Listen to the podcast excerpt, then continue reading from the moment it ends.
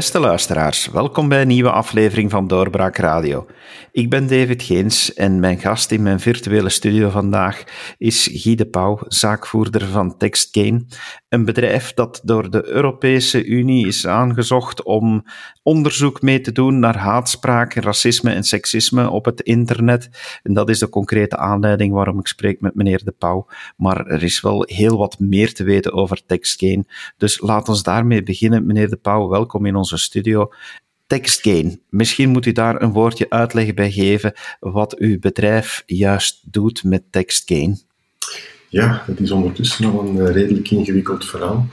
Uh, wij zijn een spin-off van de Universiteit Antwerpen uh, in artificiële intelligentie en meer bepaald natural language processing. En dat is technologie om automatisch documenten te analyseren en daar ja, kennis uit te halen. En dat kan zijn over, we willen weten waar een bepaald document over gaat.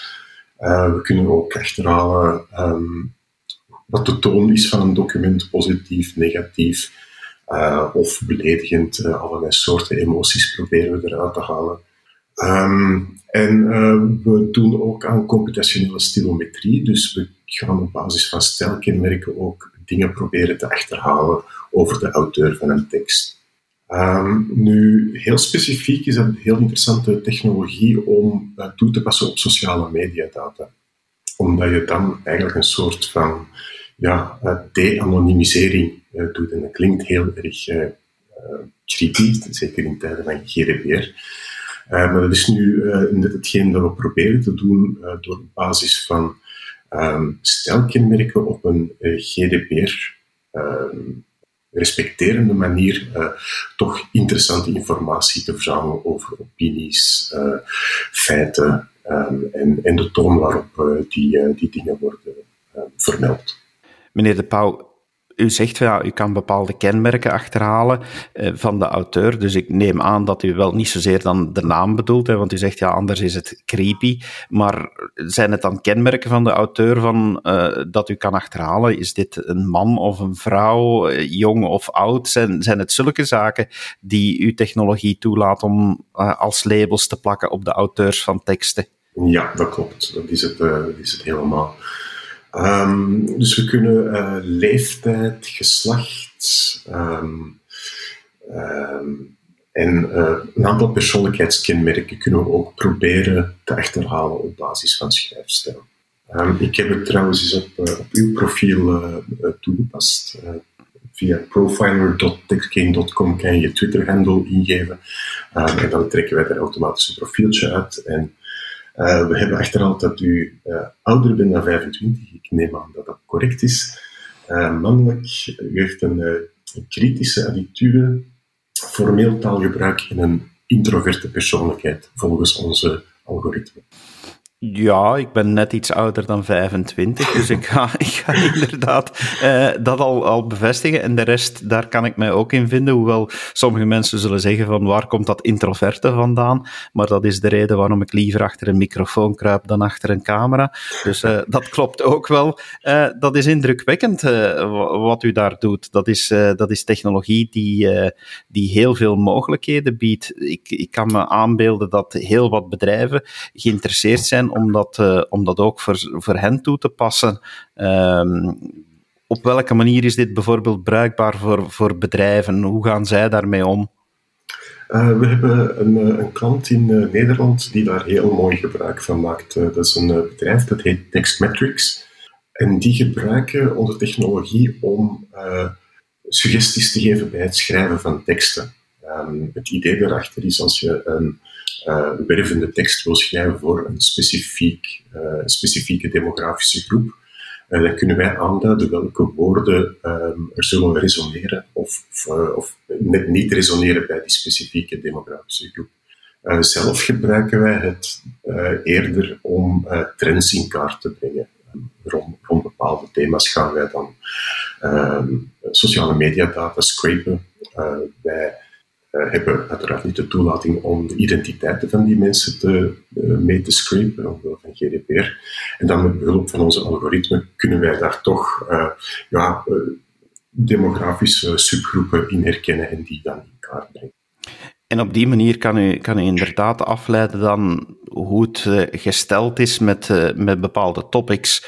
Als u, als u heel specifiek gaat zoeken, uh, want ik merkte dat u bijvoorbeeld een tijd geleden in een artikel de opmerking liet vallen dat, dat u toch kon meten van dat de mentale tol van de lockdown, mm. voor zover dat dat in, in Twitter-posts te meten viel, dat dat toch nog, ja, dat, dat u kon merken hoe ver het daarmee stond. Ja, dat klopt. En uh, dat soort van dingen uh, bekijken we eigenlijk vooral in relatieve termen. Dus we, we zullen nooit een uitspraak doen uh, in de zin van ja, 15% van de bevolking is, is depressief of iets dergelijks. En dat zullen we niet doen. Wat we wel kunnen doen is sinds februari 2020 is het aantal berichten met een depressieve toon gevoelig gestegen. Dus dat zijn uh, voor ons de, de, interessante inzichten die we eruit halen.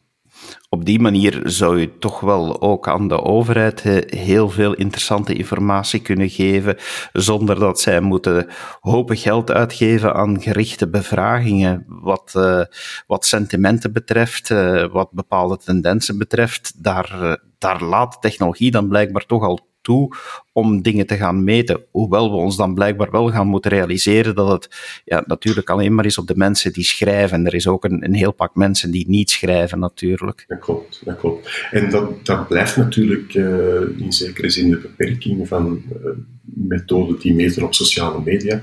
Je hebt, ja, dit is een heel specifieke groep van mensen die, die uh, vocaal is op sociale media de laatste tijd uh, is, is, het uh, wel een pak uh, gedemocratiseerd. En, en, heb je mensen van allerlei plumage die, die tweeten of op Facebook content posten. Dus dat, dan, die situatie die, die verbetert ook wel met de tijd. Maar ja, je moet er altijd rekening mee houden dat het een bepaalde subgroep is die, die je meet. Het, uh, het, voordeel van, van de methode is dat bij de klassieke bevraging uh, worden er mensen bijvoorbeeld opgebeld en gevraagd om een mening. Um, en op dat moment hebben ze misschien nog niet nagedacht over het issue waar hun mening over gevraagd wordt. Terwijl als iemand iets plaatst op sociale media, hebben ze er per definitie over nagedacht. Dat zullen ze meestal niet heel erg lang, maar uh, het is een heel andere situatie die, die je meet.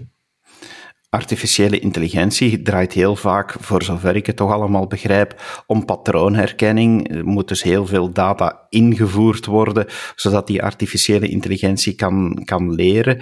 Is dat bij jullie ook het geval geweest, dat het, dat het eerst een heel lange aanloopperiode is geweest uh, om uh, ja, die artificiële intelligentie te leren interpreteren, welke gevoelens met, met welke teksten overeenkomen? Want ja, het zal toch wel veel verder gaan dan gewoonweg bepaalde woorden eruit en daar een, een positieve of negatieve score aan te geven. -hmm. uh, nee, dat, klopt inderdaad. Um, nu, de, we noemen dat de lexicon-gebaseerde aanpak, uh, waar je uh, aan woorden een bepaalde categorie gaat toekennen, die is eigenlijk relatief sterk. Het is een, een artificieel intelligent systeem dat bijleert van de data. Um, moet, het, is, het is een taak dat het zo'n woordenboek gebaseerde aanpak probeert te verbeteren. Um, en dat is dus inderdaad wat wij proberen te doen met, uh, met de algoritmen die wij gebruiken. Um, dat is ten eerste al belangrijk, omdat taal sowieso evolueert. Er komen nieuwe woorden bij. Um, en uh, een, een, uh, ja, een statische aanpak op basis van woorden, dat, dat volstaat niet. en dan een, ander punt, wat ook nog heel belangrijk is in bijvoorbeeld de context van aanspraak, is dat woorden um, krijgen hun betekenis pas uh, in een bepaalde context. Dus uh, wordt wel eens gezegd, uh, dus, zei, you shall know a word by the company it keeps. Een woord op zich is, is, een ja, reeks van cijfertjes, ik een, een reeks van lettertjes, die op zich betekenisloos is. De betekenis van een woord komt maar pas uit de woorden die er rond staan. En dat is, dat is heel erg belangrijk om uh, ook um, ja, taal als een ja, contextueel gegeven te bekijken. En, en dat is nu precies waar machine learning het dan beter doet dan de woordenboekaanpak, uh, omdat het um, eigenlijk ja, veel meer context in overweging kan nemen. U gaf daar straks het voorbeeld aan toen ik vroeg naar klanten. Um, dus, dus het komt er eigenlijk wel op neer dat het systeem kan, kan heel duidelijk gaan analyseren hoe bepaalde teksten geïnterpreteerd gaan worden. Um, kan het dan ook omgekeerd suggesties gaan doen om teksten te maken die aan een bepaald doel moeten beantwoorden. Als ik bijvoorbeeld vraag van, eh, verder gaan op het voorbeeld dat u gaf, ik wil een tekst die resoneert bij kritische plus 25ers, mhm. kan, kan het systeem dan helpen om mijn tekst te verbeteren of die tekst te, te produceren in mijn plaats? Ja, dat, dat proberen we op dit moment wel, wel te doen. Uh, een, een ja, voor de hand liggende aanpak is dat je die woorden gaat aanduiden die niet resoneren uh, en dan op basis van een synoniemenlijst alternatieven van dat woord gaat voorstellen waarvan je weet dat ze wel resoneren bij de demografische groep die je wilt bereiken dat is toch eigenlijk wel, ja, uh, is, is dat dan niet inderdaad beangstigend voor mensen die bezig zijn met tekstcreatie? Moeten journalisten bijvoorbeeld beginnen te vrezen dat, dat, er, dat die systemen zo goed worden dat, uh, dat binnenkort de kranten worden geschreven door de computer? Um, die vraag krijg ik de laatste tijd vaker, uh, ook omwille van uh, modellen zoals GPT-3. Eh, die eigenlijk in staat zijn om, om heel overtuigende teksten te schrijven. Um, en dus je, typt een aantal woorden in en dan zeg je, ja, vul nu aan. En wat eruit rolt is, is een ja, tekst in, in bijna perfect Engels. Het enige waar uh, machines en artificiële intelligentie nog niet goed in is, uh, is um, ja, wereldkennis. Dus die, die zinnen zijn grammaticaal correct. Um, je zal wel merken dat, dat het ongeveer klopt, maar ja, feitelijk uh, dingen schrijven die, die correct zijn, dat, dat, dat is nog niet aan machines besteed op dit moment. Dus journalisten hoeven voorlopig nog niet voor hun job te vrezen. De eerste computer-generated roman, die is nog niet dadelijk voor morgen dan? Uh, ja, een, een ex-collega van mij, eh, professor Kestemond uh, van de Universiteit Antwerpen, heeft uh, wel een systeem ontwikkeld als schrijfhulp. ik ben de naam van de auteur vergeten. maar die heeft daar wel een, een werkje mee geschreven. dat zich ja, gezet had naar zijn stijl. Indrukwekkend. En dat systeem dat gaat nu gebruikt worden om uh, mee te werken in een, uh, in een observatie, als ik, het, uh, als ik het juist begrepen heb, de European Observatory of Online Hate. Daar gaan, daar gaan jullie aan meewerken om, om dingen in kaart te brengen. ja, ja, en dat, um, dat heeft ook te maken met, met het feit dat de technologie die we ontwikkeld hebben, profileringstechnologie, um, in de verkeerde handen um, best wel uh, kwalijke gevolgen kan hebben. Um, vorig jaar hebben we nog een onderzoek gepubliceerd met de Universiteit van Amsterdam, uh, waarin uh, de onderzoekers daar een sociaal netwerk hadden opgezet, een soort van ja, testbed, daar mensen hadden op losgelaten. Gevraagd, ja, schrijf nu wat dingen, als status-updates, uh, schrijf iets in je bio. Uh, wij hebben die teksten geprofileerd, hun persoonlijkheid eruit getrokken. En vervolgens hebben zij met A-B-testen twee types van advertenties aan, op die mensen losgelaten. Introvert gerichte advertenties en extravert gerichte advertenties. En zij konden dus vaststellen dat op basis van onze analyse um, introvert geprofileerde mensen uh, vaker op introvert gerichte advertenties gaan, gaan klikken. Um, wat dus betekent dat die profileringstechnologie ook uh, kan misbruikt worden voor um, ja, politieke doeleinden. En dan komen we eigenlijk een beetje in de, in de buurt van wat er gebeurd is met Facebook, met Cambridge Analytica. En dus het, doelgericht gaan profileren en uh, mensen bepaalde politieke boodschappen eigenlijk bijna subliminaal eh, gaan, eh, eh, gaan, gaan aanleveren. Ehm, dus we, zijn ons altijd bewust geweest van ja, de, ethische aspecten van ons werk. en daarom zijn we ook al een tijdje bezig met onze technologie in te zetten voor sociaal-maatschappelijke vraagstukken. We noemen dat ons, ons AI for Good, um, onze AI for Good sectie. Ehm, en dat is eigenlijk begonnen in, uh, een aantal jaren geleden na de aanslagen in Zaventem. Dan hebben we een eerste systeem ontwikkeld om automatisch jihadistische propaganda op sociale media uh, te ontwikkelen. Um, en uh, van daaruit is het een beetje verder gerold.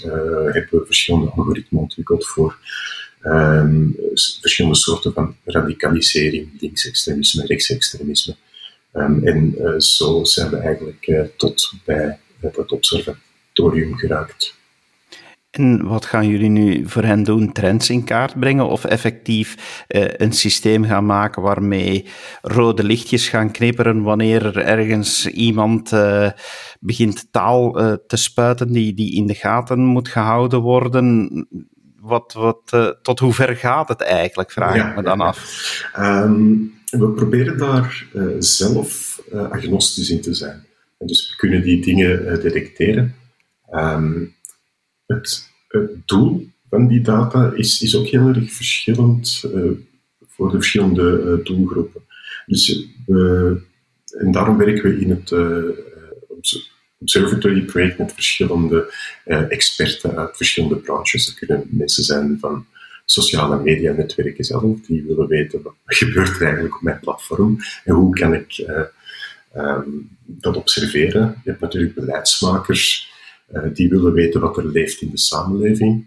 Ehm, we hebben in het verleden ook al gewerkt met jongere jongerenwerkers die meer vat willen krijgen op wat er ehm, online aan het gebeuren is. En dan is er ook nog de, eh, doelgroep van ja, de veiligheidsdiensten, die, dus die daar uh, inderdaad een, een soort van monitoring doeleind hebben om te weten of daar ergens gewelddadig extremisme of, of uh, uh, ja, inderdaad dingen gebeuren die in de gaten moeten worden gehouden. Maar ja, de, basis is voor ons hetzelfde. We hebben onze, uh, noemen dat de scrapers, de sociale media scrapers, onze AI die daar um, dingen uit kan extraheren. En wat er dan met die gegevens gebeurt, dat, gaan we dan bespreken met de expertengroepen. Ja. Maar het gaat daarbij voornamelijk om trends te kunnen gaan zien, om te kijken hoe het doorheen de tijd evolueert. Dat is, dat is de voornaamste, voornaamste deel van de opdracht. Ja, ja, ja. Um, ja, en, en hotspots uh, gaan detecteren. Uh, als er uh, bepaalde pieken zijn rond bepaalde gebeurtenissen in de wereld, dan, moeten we dat kunnen gevonden hebben. Ehm, dus die technologie hebben we al voor een heleboel talen. En uh, nu in het uh, Europees project gaan we die uitrollen voor alle 24 Europese talen. Moeten mensen eigenlijk bang zijn van een Big Brother gevoel met zoiets? Aangezien zoiets mogelijk is, kan ik me wel inbeelden dat, dat een aantal mensen denken van oei, de overheid gaat nu echt wel heel specifiek in de gaten beginnen te houden wie wat schrijft op Twitter. Mm -hmm. Ik vind dat een heel terechte vraag. Ehm, en ik uh, vrees ook dat er partijen zijn die, die dat soort van uh, uh, diensten aanbieden, maar dat is zeker niet iets wat in onze, in onze bedoeling ligt. Dus, zoals gezegd, verzamelen wij alleen maar data op een GDPR-proof manier. Dus zelfs als wij um, haatspraak of iets dergelijks of radicalisering detecteren, kunnen wij dat niet terugbrengen tot uh, het individu dat, uh, dat het heeft geplaatst.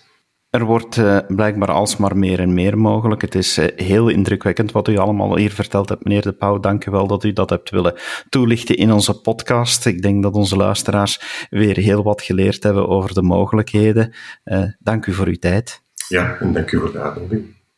En uw beste luisteraar, u weet het, u kan uw eigen profiel ook online even nakijken en zien uh, of u beantwoordt aan de kritische stem die wij proberen te vormen in onze podcast. Uh, dan kan u eens vergelijken met wie ik eigenlijk ben. ik hoop dat u er heel veel kan uitleren. Dank u wel dat u geluisterd hebt en graag tot de volgende keer. Dag. Dit was een episode van Doorbraak Radio. De podcast van doorbraak.be. Volg onze podcast op doorbraak.be/slash radio of via Apple Podcasts, Overcast of Spotify. Bezoek ook onze website op doorbraak.be en steun ons door een vriend te worden van Doorbraak.